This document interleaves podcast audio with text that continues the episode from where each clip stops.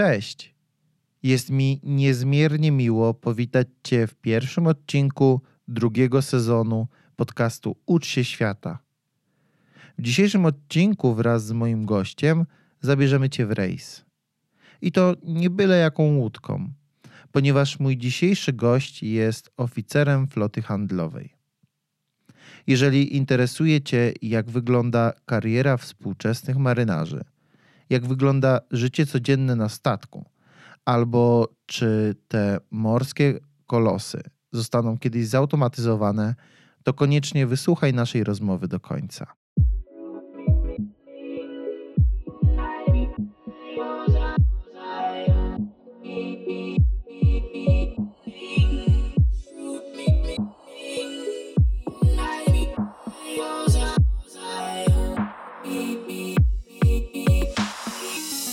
Powiedz mi, ja zapomnę. Pokaż mi, ja zapamiętam. Pozwól mi doświadczyć, a zrozumiem. Nie ma więc lepszego sposobu na poznanie i zrozumienie świata niż podróże. Ucz się świata. Podcast Ludwika Pisarskiego. Cześć Konrad. Cześć Ludwik. E, Konradzie, czy mógłbyś na początku powiedzieć mi i naszym słuchaczom i swojej dziewczynie, która siedzi zaraz za twoimi plecami i cię tutaj pilnuje. E, wspiera, wspiera mnie. A, tak, tak. Oczywiście o to mi chodziło, że wspiera. E, kim jesteś i czym ty się w ogóle zajmujesz? E, jestem człowiekiem. E, z zawodu, z zawodu jestem marynarzem. To powiedzmy tak szeroko, szeroko mówiąc, ponieważ marynarze to ogólnie wszyscy, wszyscy e, ludzie pracujący na statkach. Jakbym miał być bardziej precyzyjny, to pracuję jako oficer na e, statku, statku handlowym, dokładnie na gazowcach i obecnie pracuję jako trzeci oficer, czyli powiedzmy najmłodszy ze wszystkich oficerów, który, który pracuje na statku, ale jednocześnie już tak minimalnie bardziej doświadczony, bo już nie jestem jako taki junior oficer, tylko jako już trzeci oficer. No dobra, tak żeby zobrazować naszym słuchaczom to, jak duży sprzęt masz pod sobą, e, to jak wielkie są te statki, którymi pływasz? E, jeśli chodzi o statki, którymi ja pływam, to raczej e, używa się takiego określenia jak mały kapeć. e, Obecnie się tak zdarzyło, że pływam na, na gazowcach, które wożą e, dosyć specjalistyczne gazy, więc z założenia są to, są to mniejsze ilości, więc ostatnie kontrakty robiłem na statkach, które e, mają po około 100 metrów e, długości i takiego ładunku mogą wziąć kilka ton, między powiedzmy 3 a 5 e, tysięcy ton. Ja wiem, że wielkość, długość nie ma znaczenia, ale czy jest szansa, że będziesz pływał na jeszcze czymś większym? E, tak, oczywiście. E, czy to w mojej obecnej firmie, czy gdziekolwiek indziej, jeśli, jeśli bym tego zapragnął, to mam e, możliwości, uprawnienia, żeby pływać na zdecydowanie większych statkach. E, może nie tak dużych jak takie, które zatykają kanał Suezki, e, ale takie około 200 metrów. Myślę, że myślę, że jak najbardziej jest to w zasięgach i Zobaczymy w przyszłości. I jak się czujesz, mając taki sprzęt pod sobą? Eee... Jest to bardzo, bardzo ciężkie pytanie. No, e, prowadzi się minimalnie inaczej niż samochód, ale jednocześnie są bardzo duże, ale pływają dużo wolniej. Te prędkości osiągane przez taki statek są dużo wolniejsze niż samochód, więc czasu na jakieś decyzje, reakcje jest troszkę więcej, więc myślę, że wszystko jest kwestią wprawy i wyszkolenia, no bo nie, nie prowadzić takiego statku po odpowiedniku kursu prawa jazdy B, tylko jednak troszkę więcej trzeba tych uprawnień i doświadczenia, więc myślę, że wszystko z czasem. No okej, okay. Mm, zakładam, że jak byłeś małym dzieckiem, to raczej myślałeś o tym, żeby zostać strażakiem, policjantem czy innym Batmanem. E, więc skąd w ogóle myśl o takiej ścieżce zawodowej? E, będąc szczery, w momencie składania deklaracji maturalnych e, wiedziałem o tym, że będę zdawać na pewno matematykę i język angielski na rozszerzeniach. bo po prostu byłem zbyt słaby z chemii albo fizyki, żeby się tego podejmować.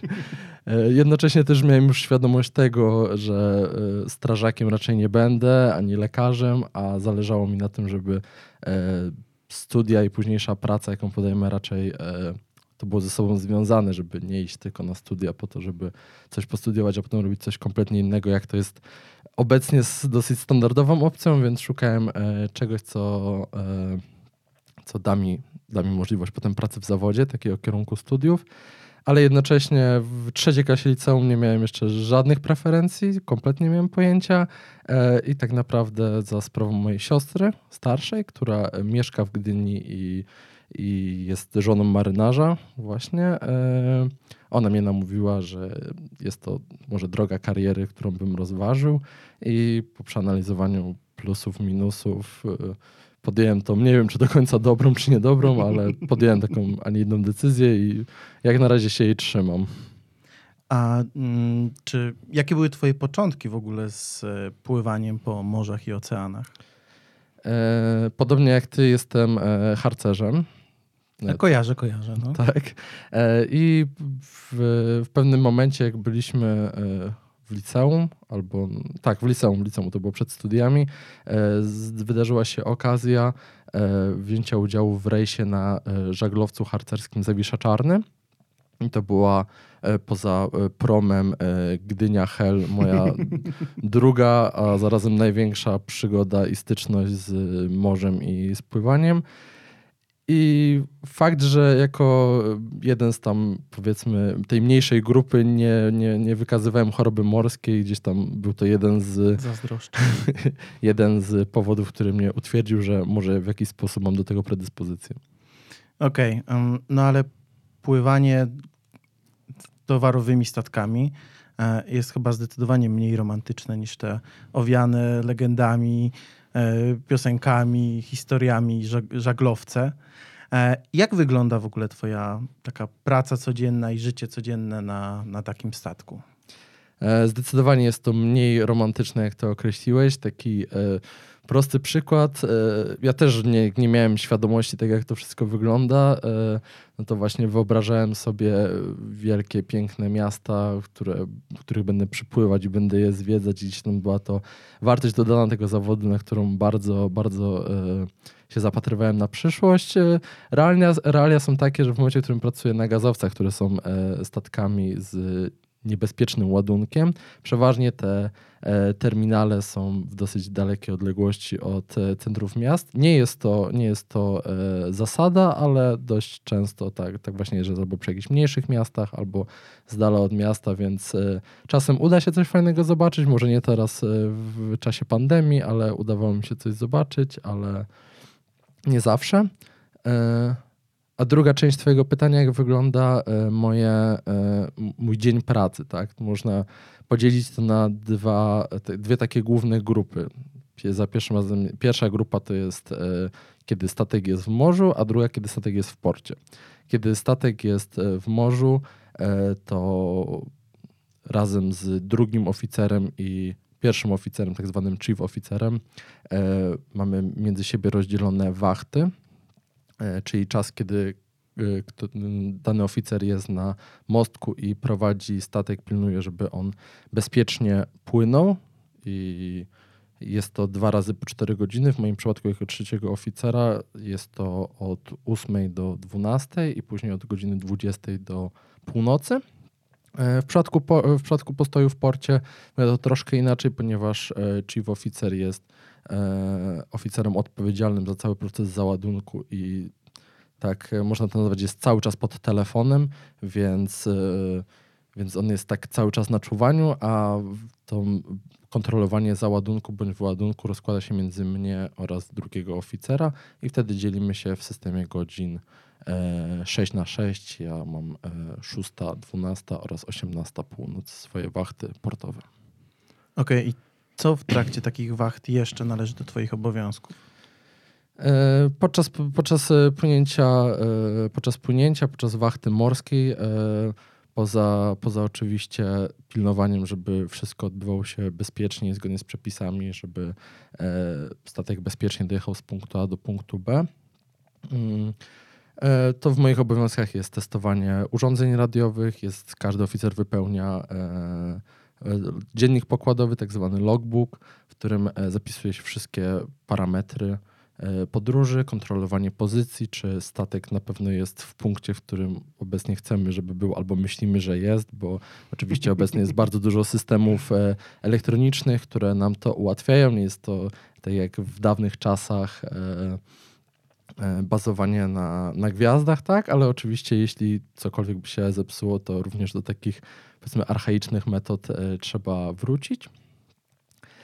E, wszelkiego rodzaju, powiedziałbym też e, praca papierkowa, może niekoniecznie jak e, statek, e, jak e, mam swoją wachtę, kiedy muszę być skupiony na tym, żeby e, statek bezpiecznie płynął, ale również e, ja jako oficer nawigacyjny e, odpowiadam za e, przygotowanie e, planu przejścia, tak zwanego passage planu, który później e, omawiam z kapitanem, stosuję jego uwagi i sugestie, wyznaczam trasy i e, sprawdzam wszelkiego typu wiadomości nawigacyjne, czy na przykład na naszej trasie nie ma jakichś mm, jakichś e, ostrzeżeń, że jest coś, czego należy unikać, albo coś, co trzeba wziąć pod uwagę e, przy planowaniu e, podróży tamtymi, tamtymi rejonami, e, sprawdzanie prognozy pogody, uwzględnianie tego, czy, czy dana pogoda, czy można ją w jakiś sposób ominąć, czy jest bezpiecznie, żeby statek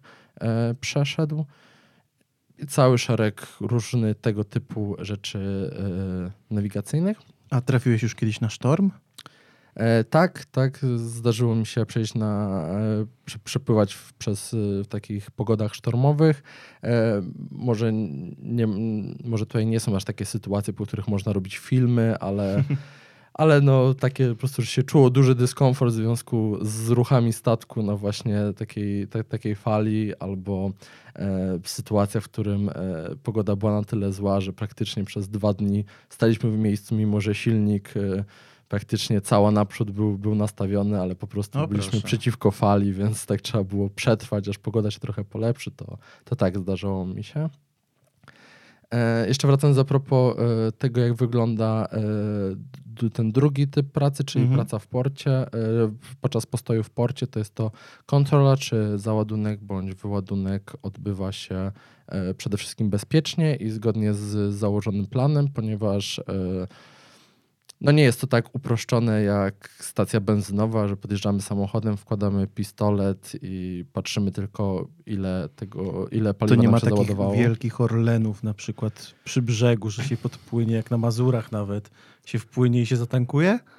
Znaczy podpływa, te, jeśli chodzi o paliwo takie, które y, spala silnik, to podpływa specjalna barka, która bunkruje, to się nazywa paliwo, proszę. tak? I, ale też, to- też to polega na ciągłym sprawdzaniu przez y, mechaników, jaki jest poziom tego paliwa, a jeśli chodzi o ładunek, no bo to też, też wozimy różnego typu gazy, no to również cały czas trzeba przeliczać, ile realnie mamy e, mamy ładunku na burcie, ponieważ no, no nie ma takiego po prostu e, liczniczka jak na stacji benzynowej, że wiemy w każdej sekundzie, ile dokładnie wszystko wleciało, tylko się to oblicza, biorąc pod uwagę różne parametry, tak jak temperatura e, ładunku w formie płynnej, tak jak Mhm. temperatura e, tego odparowanego ładunku, który już jest w zbiorniku, e, to jak statek jest e, przechylony, w sensie ma przegłębienie dziób rufa, bo wtedy również ten poziom e, w zbiorniku, jak on jest przekrzywiony, też, te, też się troszkę inaczej odczytuje. Czyli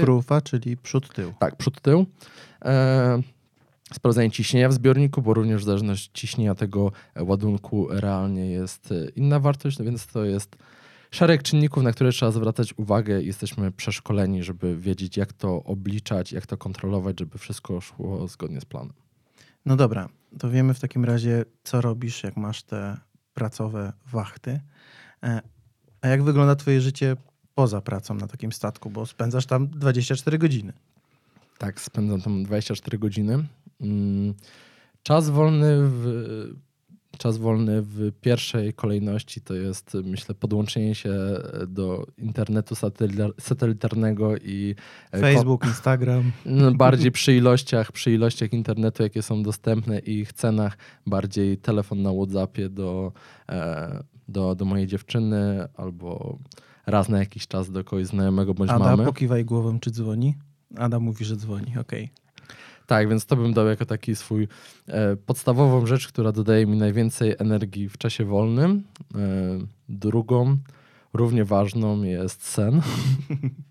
Także to są powiedzmy dwie rzeczy, na które głównie spędzam czas wolny. Jeśli tego czasu wolnego jest odpowiednio więcej, to dochodzi tutaj czytanie książek, oglądanie filmów, e, spędzanie czasu z resztą załogi. Na każdym jednym statku jest na przykład PlayStation albo zestaw do karaoke, że jeśli ktoś lubi. Wybrałem złą ścieżkę zawodową. Tak, mikrofony masz nawet lepsze niż tamte w zestawie do karaoke, więc może, może to jest jakaś droga. E, okej, i mm, co jeszcze robicie? W sensie grasz na PlayStation? To jest twoje główne tam zajęcie w, w, w czasie wolnym? Y, tak jak mówiłem, dzwonię do dziewczyny albo śpię. to bym dał jako główne, Okej, a okej. wszystkie inne, wszystkie inne do tej drugiej grupy, jeśli starcza czasu, ale e, myślę, że w drugiej kolejności chyba seriale. To jest, ten, to jest ta No. druga rzecz, którą, którą robię. A em, macie jakieś elementy integracyjne z resztą załogi? Imprezujecie? E, Od czasu do czasu zdarzają się, zwłaszcza przy okazji jakichś świąt albo urodzin któregoś z załogantów, e, zdarza się, że e, jest spotkanie na, na mesie, które właśnie jest połączone z tym, żeby spędzić razem czas. E, Może właśnie e, tutaj jakieś karaoke, chłopaki, zwłaszcza marynarze filipińscy e, uwielbiają, e, więc, więc tutaj karaoke, ale głównie, głównie jakieś rozmowy i spędzanie czasu, czasu razem. A ile właśnie jest w ogóle załogi na takim statku? W zależności od y, wielkości statku jest to przeważnie, na takich statkach, na których ja pływam, e, z grupy mniejszych to jest to między 12 a 14-15 osób. Na tych większych statkach jest to około 20, e, 20 paru osób. I oczywiście tutaj też, e, jeśli powiemy sobie o jakichś bardzo małych statkach, to jest to nawet kilka osób, a jeśli powiemy sobie o bardzo dużych statkach, to może być ponad 30 osób załogi. Okej, a czy nie wyobrażasz, czy wyobrażasz sobie, albo czy raczej się nie boisz tego, że w niedalekiej przyszłości, mm, tak jak powoli samochody, takie statki też staną się automaty- autonomiczne? Czy to w ogóle jest możliwe? E, Wiem, że są e, podejmowane testy i próby. E, Wydaje mi się, że kiedyś na pewno do tego dojdzie, ale podejrzewam, że tutaj droga technologiczna to jest jedno, ale droga przepisowa to jest druga, ponieważ wszystkie rzeczy, które, e, które są wprowadzane na statkach handlowych, są, e, wszystkie statki muszą, o, muszą e, być zgodne z konwencjami i przepisami międzynarodowymi. I myślę, że stworzenie statków autonomicznych to jest jedno, ale poczekanie, aż przepisy na nie pozwolą, to jest proces, który zapewni mi na pewno jeszcze kilka lat roboty. Czyli na razie bezpiecznie. Myślę, że tak. No właśnie, a propos bezpieczeństwa. Czy bywają takie sytuacje? Czy miałeś już taką sytuację, w których mógłbyś się bać o swoje zdrowie lub życie? Czy bywa niebezpiecznie? E, powiem tak, bardzo dużo operacji na statkach e, wiąże się z podwyższonym ryzykiem. Oczywiście są e, specjalne formularze, spotkania z załogą przed wykonaniem danej pracy w celu określenia tego ryzyka, w celu zminimalizowania go e, i podejmowania działań, żeby wszystko to, co robimy, było jak, jak najbardziej bezpieczne ale oczywiście jest y, sporo rzeczy, które są e, niebezpieczne do których trzeba podchodzić z bardzo dużą e, dozą e, ostrożności. Między innymi takim czymś, które się, które się robi bardzo regularnie, a jest dosyć niebezpieczne, jest to właśnie tak zwane manewry, czyli jest to podchodzenie statku do, do kei i pomijając już oczywiście takie rzeczy, że wymaga to doświadczenia od kapitana, od pilota, od e, personelu na, na statku, na, na, na, w porcie, na, przy kei, e, holowników, e, bo może się zdarzyć bardzo dużo rzeczy niebezpiecznych, jest to bardzo newralgiczny czas. Nawet takie proste byciu na stacji manewrowej, na dziobie bądź na rufie i rzucanie lin, wyciąganie ich, tam są bardzo duże e, siły, bardzo duże naprężenia i zawsze do, do lin trzeba podchodzić z dużym respektem, bo nie, nie znam dokładnie statystyk, ale podejrzewam, że bardzo duża część wypadków, jakie się zdarzają na statkach, to właśnie przy okazji manewrów i prac z linami. Wspomniałeś o takiej osobie, jaką jest pilot. I wiem, że w każdym porcie chyba taki pilot jest. Kim w ogóle on jest? Co to jest za funkcja? A właśnie, bo bardzo dużo ludzi nie zdaje sobie z tego sprawy. Pomijając y, sytuacje takie, kiedy kapitan jest bardzo doświadczony i wchodzi danym konkretnym statkiem do danego konkretnego portu bardzo regularnie i przejdzie tak zwane, nie, wiem jak to nazwać, egzaminy bądź jakieś szkolenie na ten konkretny port przy tym konkretnym statku, to statek dla tego kapitana może dostać e, takie zwolnienie z usług pilotów. Ale podejrzewam, że 99% przypadków jednak jest obowiązek wzięcia pilota. Pilot jest to osoba, przeważnie jest to były kapitan, ale nie jest to reguła. Jest to osoba znająca y, dany rejon, daną rzekę, port, podejścia, y, znająca język lokalny, lokalne zawirowania prądów, y, różne, różne specyficzne miejsca, zakręty i tego typu rzeczy, że wie, jak poprowadzić statek, żeby to było jak e, najbezpieczniej. I on również jest w ciągłym kontakcie e, tutaj z władzami zarówno tego rejonu, jak i portu, jak i Kei. Także to jest osoba, która po prostu ma duże doświadczenie w manewrowaniu statkami, z operacjami w konkretnym porcie, E, jest też bardzo doświadczona, jeśli chodzi o manewrowanie, ale oczywiście pełną odpowiedzialność za statek i za jego bezpieczne dopłynięcie do kei i zacumowanie zawsze ponosi kapitan. Pilot mu tylko doradza i zawsze w przypadku, jeśli coś dzieje się nie tak, to ostateczna decyzja i wszystko jest po stronie kapitana, bo to on ma pełną odpowiedzialność za statek. Pilot jest doradcą. No i jak się komunikujecie z takim pilotem? Jakoś radiowo, czy on w jakiś sposób teleportuje się na ten statek wasz? E, pilot się teleportuje na statek. Przeważnie e, jest statek e, w tak zwanym biegu, jak płynie przed wejściem na przykład na rzekę. Mm, to opuszczamy tak zwany trap pilotowy, czyli jest to taka drabinka jest to taka drabinka, e, po której e, do, do, boku, do burty statku podpływa e, taka szybka łódka pilotówka tak zwana i pilot w biegu wsiada tak jakby przechodzi z tej pilotówki na tą drabinę. I... Czyli nie zdarzają się skoki ze spadochronem z helikoptera i tak dalej? Z helikoptera się zdarzają, również okay. są porty, które, które praktykują tutaj to, żeby pilot wsiadał za pośrednictwem helikoptera. Zwłaszcza to się dzieje, jeśli mówimy o bardzo dużych statkach, które, bardzo, które biorą pilota w znacznej odległości od wejścia do, do powiedzmy główek portu czy do rzeki.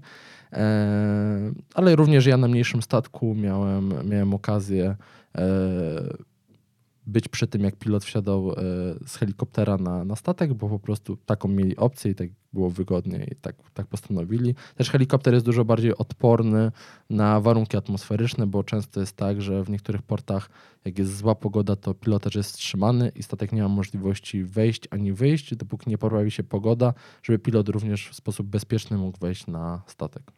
Nie, jak miał taką opcję, to też bym wybierał helikopter. E, no ale a propos wyzwań czy takim twoim profesjonalnym okiem e, dużym wyzwaniem jest zablokować kanał Suezki i czy wiesz w ogóle, jak do tego mogło tam dojść?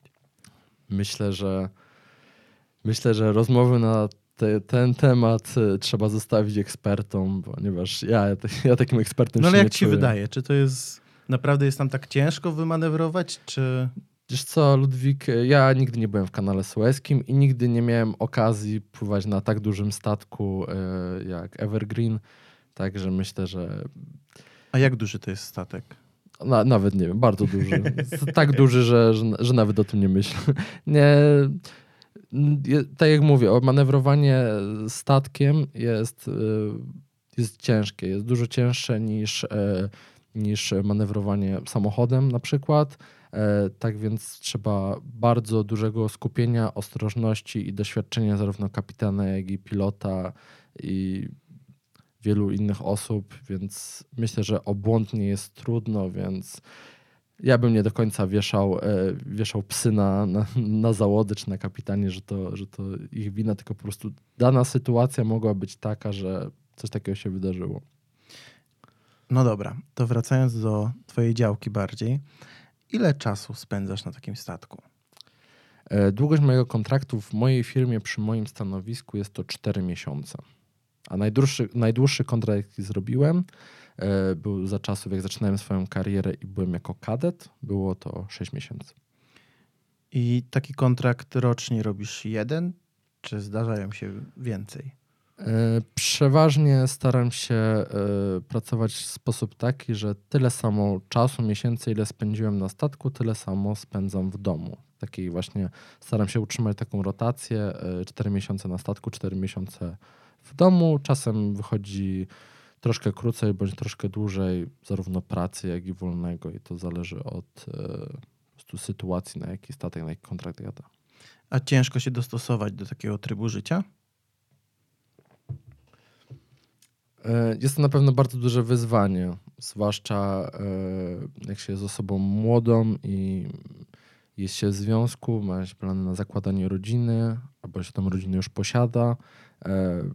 Myślę, że jest to ciężkie i na pewno wymaga dużej, dużego zaangażowania i ciężkiej pracy e, obydwojga.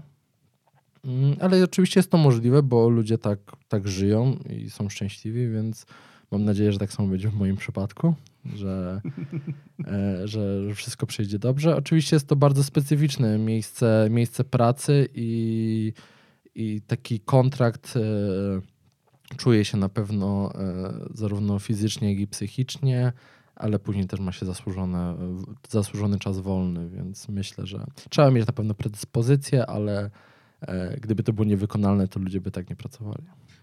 Czyli twoja dziewczyna zaakceptowała taki tryb życia? to chyba pytanie do niej. Zaakceptowała się, da? Kiwa głową, że tak. Co prawda niezbyt brawo, ale, ale kiwa. No bo jest ciemno w pomieszczeniu. e, dobra, a powiedz mi, jak e, wyglądają na przykład święta albo Sylwester na takim statku? Bo zakładam, że skoro tyle na nim czasu spędzasz, to może się to zdarzyć.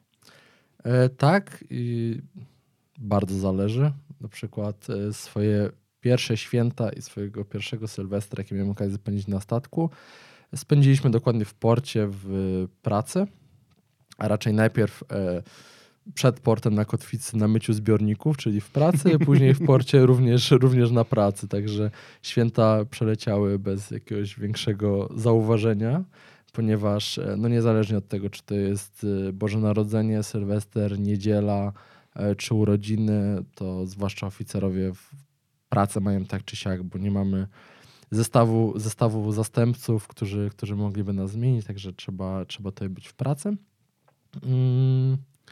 Oczywiście każdy, ka, ka, każda osoba, która jest na statku czuje to, jeśli są, zbliżają się święta i spędza się je na statku, a nie, a nie w domu, każdy czuje to i każdemu jest trochę przykro, ale każdy ma tego świadomość i staramy się e, przygotowywać jak najlepiej jest to możliwe, żeby mieć chociaż cząstkę tych e, domowych świąt e, w domu, na statku, przepraszam. I często gęsto jest to też fajne doświadczenie, ponieważ ja pływam na statkach z międzynarodową załogą Także e, czasem przeplatają się, e, przeplatają się te różne naleciałości świąteczne, kulturowe. Także e, ostatnio, w ostatnie święta Bożego Narodzenia, jak byłem na statku, miałem, były zarówno pierogi, jak i sajgonki. Był bigos i krewetki w sosie chili. Także, także dość ciekawe. Do, dość Kucharz ciekawe. miał ręce pełne roboty. E, tak, tak. Kucharz, kucharz w ogóle uważam, że to jest jedna z cięższych funkcji na statku bycie kucharzem, bo e, wiadomo, że najłatwiej się narzeka na jedzenie i kucharz też nigdy nie ma wolnego, bo zawsze jeść trzeba.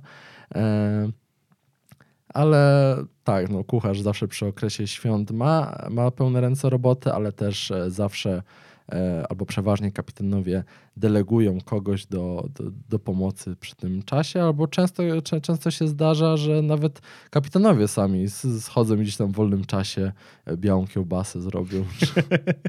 Także miałem również e, przyjemność, przyjemność być na takim statku, gdzie kapitan przygotowywał część rzeczy na święta oraz inni Nie załoganci. bałeś się zjeść? Nie. e, no dobra, a jakby ktoś, na przykład z naszych słuchaczy, stwierdził, że chciałby się podjąć takiej kariery, to co należy zrobić? Czy po prostu można się zgłosić na taki statek i zacząć na nim pływać? Czy trzeba jakoś się do tego specjalnie przygotowywać? E, tak jak wspomniałem w międzyczasie, e, statki handlowe, zwłaszcza takiej wielkości, są objęte konwencjami, przepisami międzynarodowymi. Są to tak zwane statki konwencyjne, czyli żeby móc na takim statku pracować, trzeba również spełnić e, wymogi konwencji dotyczące wyszkolenia załogantów. Takim, taką kompletnie podstawą, żeby móc pojechać właśnie jako na przykład taki kadet, tak? E, to jest e, podstawą jest przejście kursów e, podstawowych. One dotyczą bezpieczeństwa, ochrony przeciwpożarowej i różnych takich podstawowych rzeczy, którym każdy jeden załogant musi, musi wiedzieć. Takie kursy można zrobić spokojnie w wielu ośrodkach szkoleniowych na Pomorzu. Koszty ciężko mi powiedzieć. No myślę, że trzeba zainwestować z 2000 zł, może, może trochę więcej, żeby mieć te podstawowe e, papiery i z nimi można zacząć próbować szukać, e, szukać pracy, ale oczywiście no, perspektywa jest tylko ta, to najbardziej podstawowe bycie e, kadetem, czasem marynarzem, ale to też już wiąże się z kolejnym certyfikatem, także tutaj na każdym jednym kroku jest, są kursy, są certyfikaty, są uprawnienia i te teczka z dokumentami z, z biegiem czasu kariery tylko rośnie. A żeby zostać oficerem, tak jak ty, to jak najlepiej zacząć? E, tutaj są e, dwie drogi. Pierwszą drogą jest, e, tak jak w moim przypadku, skończenie uczelni morskiej. Ja skończyłem Akademię Morską w Gdyni. E, były to normalne studia inżynierskie, mm, na końcu których e, obrona, obrona e, pracy inżynierskiej była połączona z egzaminem oficerskim. I po obronie pracy i zdaniu tego, tego egzaminu oficerskiego i uzyskaniu 12 miesięcy praktyki na statku jako marynarz, dostawałem uprawnienia trzeciego oficera, oficera wachtowego, tak to się nazywa. To jest jedna droga. E, drugą drogą jest e, pójście na kurs trzeciego oficera, mm, dostępny właśnie w różnych ośrodkach szkoleniowych. Nie jestem tutaj do końca pewny, jest, e, ale wydaje mi się, że takie kursy przeważnie trwają około rok. E, I później też trzeba mieć więcej praktyki, ponieważ nie wszystkie, ale część tych e, kursów wymaga później 36 miesięcy doświadczenia jako marynarz, żeby móc, e, móc dostać ten, te papiery oficerskie i również wtedy ten egzamin oficerski już się zdaje w urzędzie morskim. Jest on tak jakby pokrywa tą różnicę y, między studiami, między studiami y, tutaj na uczelni, a takim kursem w ośrodku szkoleniowym. To są takie dwie znane mi metody. No, tak zaśmiałem się trochę pod nosem, jak powiedziałeś e, o normalnych studiach, bo pamiętam, że kiedyś nazwałeś swoją uczelnię szkołą magii. Jak wspominasz ten okres studiów w takim razie? Akademią Magii oczywiście jest to z mojej strony takie humorystyczne podejście. Myślę, że każda osoba studiująca na uczelni wyższej e, lubi, e, lubi tutaj czasem na nią ponarzekać i, i myślę, że zarówno, zarówno ja na moją uczelnię, jak i każda inna osoba na swoją uczelnię może coś tam ponarzekać, ale jest to na pewno bardzo specyficzna uczelnia, ponieważ e, jest to dość, dość mała uczelnia, powiedziałbym na porównaniu do wielkich uniwersytetów w dużych miastach. Ma to swoje plusy, ma to swoje minusy. E, ale polecasz czy nie? Mimo, że Ciężko mi powiedzieć. To, to jest bardzo indywidualne. E, ja tutaj, ja tutaj chyba jednak jak studiowałem w Gdyni było mi trochę daleko do, do, do rodzinnych Kielc, więc e, gdzieś tam jak tylko mogłem na jakieś weekendy starałem się uciekać albo do jakichś znajomych, do innych miast, więc i też zaraz po studiach z Gdyni się wyprowadziłem, ale e, znam bardzo dużo ludzi, którzy ten czas studiów bardzo dobrze wspominają. Także to zależy. Jeśli za kurs roczny trzeba zapłacić, tak? ale później jest więcej czasu na to, żeby, żeby pracować i jak się pracuje, zdobywając doświadczenie, to również się zarabia. Studia są darmowe, ale są tak darmowe, że tak czy siak rodzice muszą e, łożyć na utrzymanie albo trzeba chodzić do, do pracy, więc to, to i tak te koszty utrzymania są dosyć duże, biorąc pod uwagę, że studia później z obronami, wypływaniem praktyki, wszystkie trwają praktycznie 4 lata minimum, więc no zależy, co kto woli. Jeśli ktoś woli mieć trochę więcej tego studenckiego życia, to zdecydowanie studia. E, jeśli ktoś woli szybciej zdobywać doświadczenie zawodowe i zarabiać pieniądze, to raczej kursowo.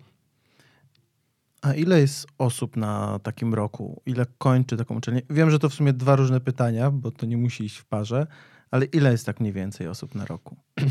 E, mm, jest dość duży odsiew, ale e, liczba, mm, liczba e, studentów z, rozpoczynających studia na pierwszym roku, a liczba osób, która kończy, kończy, nie mówię broni się, tylko kończy ostatni semestr e, e, naukowy, tak, E, nie różni się bardzo, ale jeśli chodzi o liczby, ale jeśli chodzi o liczbę, e, ale jeśli patrząc na nazwiska, to się różni zdecydowanie, ponieważ dochodzi sporo studentów, którzy są tak zwanymi spadochronami. Tak więc e, jest dosyć spora rotacja. Jest dosyć spora rotacja, dużo ludzi też w trakcie studiów rezygnuje, też z powodu tego zaczynają zdawać sobie sprawę, że to nie do końca dla nich droga. E, także rotacja jest. Wydaje mi się, że mój trzeci rok e, kończyło około 120 osób, e, ale teraz gdzieś tam miałem okazję rozmawiać z znajomymi, wiem, że spora część albo się jeszcze nie obroniła, mimo że już parę dobrych lat minęło, albo zrezygnowała z tej ścieżki kariery i rozpoczęli na przykład nowe studia, albo kompletnie zmienili E, swoją drogę zawodową. Także pełnej liczby, ile osób z tych 120 e, około, które kończyło, ile pracuje w zawodzie, nie jestem w stanie powiedzieć. Tobie, rozumiem, udało się bez bycia spadochroniarzem? Tak, udało mi się bez bycia spadochroniarzem, aczkolwiek e, dość wydłużał mi się czas obrony, tak już byłem na granicy, na granicy tego terminu, kiedy mogłem bez, bez, potrzeby, bez potrzeby skreślaniem z listy studentów i później na nią wracania. Także mi się jeszcze udało w tym takim normalnym trybie, ale było na skraju. To jaka świetlana przyszłość w tym zawodzie dla ciebie? Jakie są następne kroki w twojej karierze? Mm, pierwszym krokiem, nie takim dużym, e, jest to awans na drugiego oficera. Jest to dosyć e, podobne stanowisko, tylko drugi oficer odpowiada za e, rzeczy związane z bezpieczeństwem i ochroną przeciwpożarową. E, ma troszkę inne, troszkę gorsze godziny pracy, ponieważ jest to północ, czwarta rano na przykład, więc jest to, jest to wyzwanie i na pewno z uwagi na te godziny pracy musi musi być jeszcze bardziej samodzielną osobą, że tak powiem ale nie potrzebuje żadnych specjalnych uprawnień dodatkowych, żeby drugim oficerem być. E, później e, są tak zwane egzaminy chiefowskie, żeby móc być e, chief oficerem, ponieważ jest to już starszy oficer. Jest to już bardzo odpowiedzialna i bardzo ciężka funkcja i pomijając ten egzamin, to już trzeba mieć ze sobą sporo doświadczenia i pewności. I później ostatnim krokiem jest bycie kapitanem. No i chyba największa tajemnica. E, jak wyglądają zarobki, chociaż jakieś widełki na różnych poziomach takiej kariery? Wypowiem się tutaj mniej więcej, jeśli chodzi o gazowce, ponieważ wiem, że na statkach tak zwanych e, suchych e, przeważnie jest to mniej, ale nie zawsze, ponieważ pensje są ustalane przez firmę tak więc y, w jednej firmie, pomimo tego samego typu statku, mogą to być zupełnie inne pieniądze niż w innej. E, I też mówimy tutaj o gazowcach typu e, LPG. Nie mówimy o gazowcach typu LNG, czyli gazy ziemne, na których e, pensje są kosmicznie duże. Wydaje mi się, że takie widełki można podać, że to jest około 3, 3 e, do 5 tysięcy euro miesięcznie dla dru trzeciego, drugiego oficera, między nie wiem, 8 a 10 dla chief oficera, no i więcej niż 10 to jest kapitan, ale to jest, to jest bardzo, zależnie, bardzo zależnie od firmy. Yy, także ciężko, ciężko jest powiedzieć. Też różne są typy wypłat, ponieważ czasem są wypłaty tylko wtedy, jak jesteś w pracy, także w miesiącach, które spędzasz w domu, jesteś bez pensji. Czasem jest to forma, że ta pensja jest niższa, ale dotrzymujesz ją cały czas, więc e, no, bardzo to zależy od firmy i, i swojego stanowiska w firmie, tak? bo to też, też jest tam pełen indywidualne podejście do każdego. Wspomniałeś o tym, że załoga jest wielonarodowa. Jak się odnajdujesz w takiej wielonarodowej, wielokulturowej załodze? E, myślę, że w porządku. Ja, ja lubię pracować e, właśnie tutaj z obcokrajowcami, bo zawsze w, w tym e, czasie wolnym jest więcej możliwości do tego, żeby poznawać właśnie inną kulturę. Mm, tak bym powiedział, że takim najbardziej, najbardziej morską nacją są, są właśnie Filipiny, ponieważ podejrzewam, że nie wiem, 80% marynarzy to są właśnie Filipińczycy. Bardzo bardzo taki pozytywny naród, który zawsze śpiewa. Często, zawsze. Przy pracy, obiedzie, jak są smutni, jak są radośni, zawsze śpiewają. Zawsze... Ale szanty jak na takich starych filmach? E, nie, nie, nie. Takie, y, takie, takie, takie balladki mieszane z popem, bardziej bym powiedział. E, ale także też y, można się bardzo dużo rzeczy dowiedzieć i zobaczyć właśnie jak, jak bardzo się różni e, życie i, jakie są te różnice kulturowe między tutaj tymi nacjami europejskimi a, a tutaj daleką Azją. Mm ale też nawet y, tutaj z bliższego podwórka. Mm, ostatnio na, na statku byłem e, z Tomkiem. Tomek e, jest Słowakiem. To też było bardzo ciekawe, ponieważ e, to był to pierwszy raz, kiedy spotkałem się z marynarzem pochodzącego z kraju, który de facto dostępu do morza nie ma. No i pytałem się, spytałem się Tomka właśnie, jakbyś mi tak powiedział, Tomek, to są takie ciekawe rzeczy, jakbyś mi mógł powiedzieć, Tomek, co jest takiego słowackiego, a, a nie czeskiego, który jest zaadaptowany dla Słowaków. I Tomek mi powiedział, że e, taką najbardziej słowacką rzeczą jest to, co wszyscy nazywają czeskim syrem. Czyli ten smażony ser jest de facto słowacki. To, to gdzieś tam była taka ciekawostka, którą mi powiedział, ale też e, często rozmowy o takim... Mm, o takich, e, nie wiem, światopoglądzie albo takich zwyczajach e, e, różnych nacji. To są takie właśnie ciekawe rzeczy, jak, jak pewne, pewne rzeczy rozpatrują ludzie z innych krajów. Jak się spędza tyle czasu razem, jest, gdzieś tam jest ta możliwość do tych wymian różnych doświadczeń i sposobów myślenia. I to, to na pewno wartość dodana tego zawodu. Zdaję sobie sprawę, że na pewno bardzo zależy od człowieka, na którego się trafi ale czy są jakieś narodowości, z którymi tobie się lepiej pływa lub gorzej? Nie, to jest. Wydaje, wydaje mi się, że to tylko i wyłącznie zależy od człowieka. Tylko i wyłącznie zależy od człowieka. E, jakbym tylko mógł powiedzieć to, e, bo oczywiście językiem wiodącym, na, którym się pracuje na statku na co dzień jest język angielski. Ale i wtedy, jeśli, jeśli załoga jest międzynarodowa, jest dosyć wymieszana, to również w tym czasie wolnym na mesie wszędzie te rozmowy są po angielsku i każdy z łatwością może w nich uczestniczyć.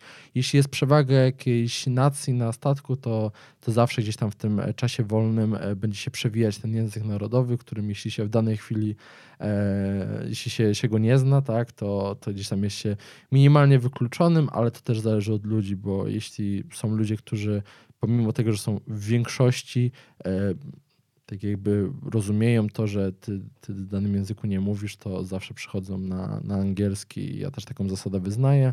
Tak więc to wszystko tylko i wyłącznie zależy od człowieka. Okej, okay, a z jakiego kraju jest firma, w, dla której pływasz? Firma jest niemiecka.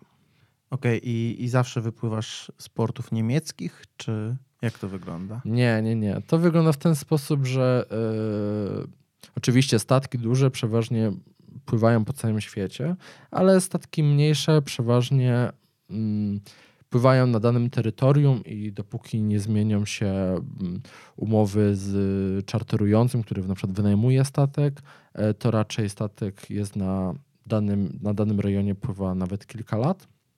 Tak jak ostatnie kontrakty robiłem na statkach, które pływały po Morzu Północnym, północnej Europie. E, ale równie dobrze można pływać na.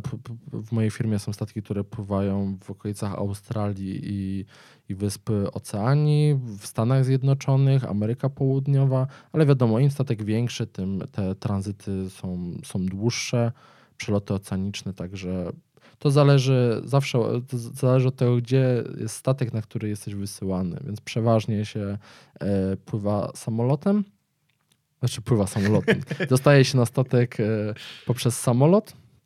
Mm, e, w niemieckich portach byłem, ale, ale... Rozumiem, że nie samolot ląduje na statku. Nie, nie, nie, nie, nie. Po prostu na jakieś lotnisko i później jakąś taksóweczką i tak dalej się dostaje na statek. E, w portach niemieckich byłem, ale no to był przypadek, tak jakby nie jest to żaden, żaden tutaj wymóg firmowy, tylko akurat tam było, ale na przykład mimo to, że jestem polskim marynarzem, e, nigdy w życiu zawodowo nie byłem w żadnym polskim porcie. Okej. Okay. E, wspominałeś już też o tym wcześniej, że jakby odwiedzasz różne kraje, ale ciężko raczej ze zwiedzaniem. E, czy mimo to udało ci się już zwiedzić jakieś kraje, chociaż te miasteczka portowe i jakie to w ogóle kraje były? Które może z nich najlepiej wspominasz? Najlepiej wspominam e, Wenecję, ponieważ e, port, e, port był w odległości, w odległości na chyba 60 albo 70 euro taksówką w jedną stronę. I w tamtym Ciekawa czasie... miara odległości. Tak, tak, tak. To jest bardzo, bardzo dobra miara odległości i to była e, miara odległości, którą e, w tamtym czasie z moim kolegą była dla nas zbyt duża. E, także mniej lub bardziej jakimś autostopem i z jakimiś ludźmi różnymi e, albo informacją od rodowitych Włochów, że przecież nikt nie sprawdza biletów w komunikacji miejskiej.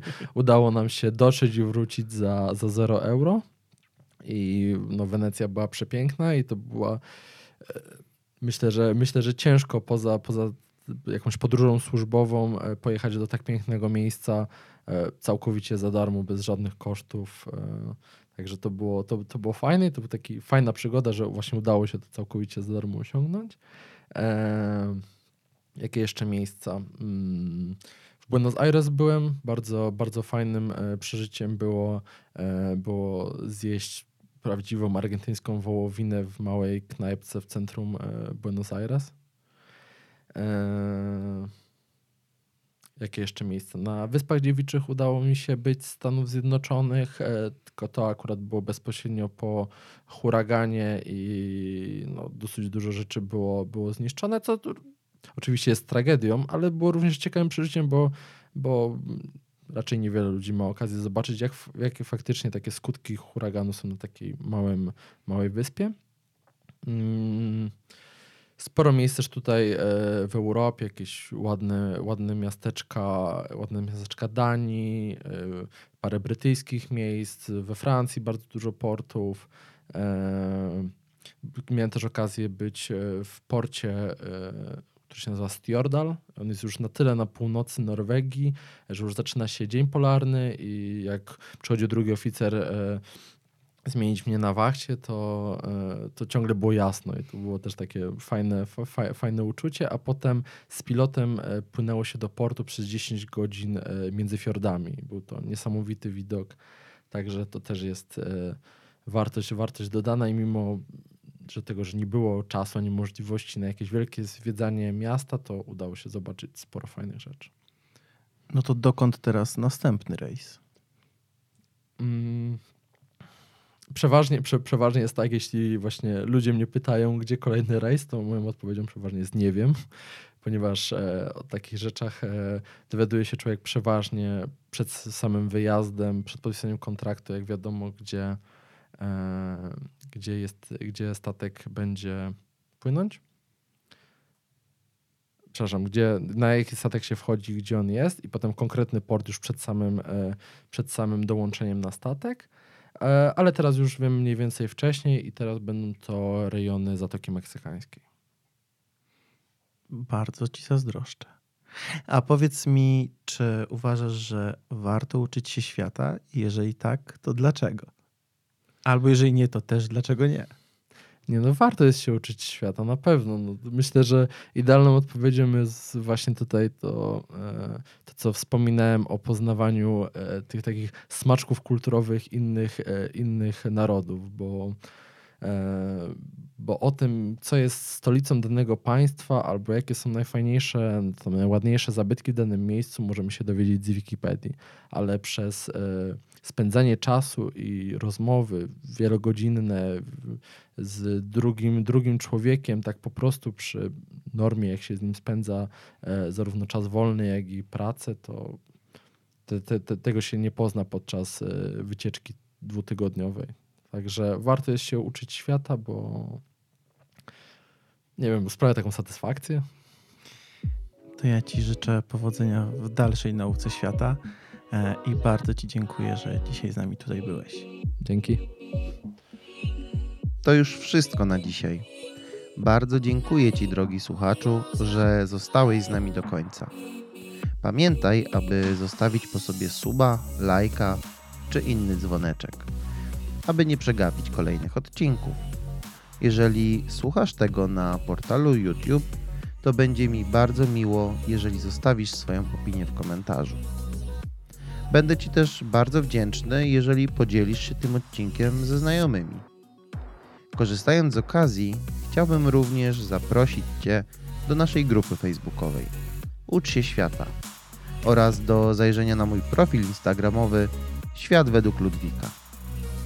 Życzę Ci udanych podróży i pamiętaj, ucz się świata.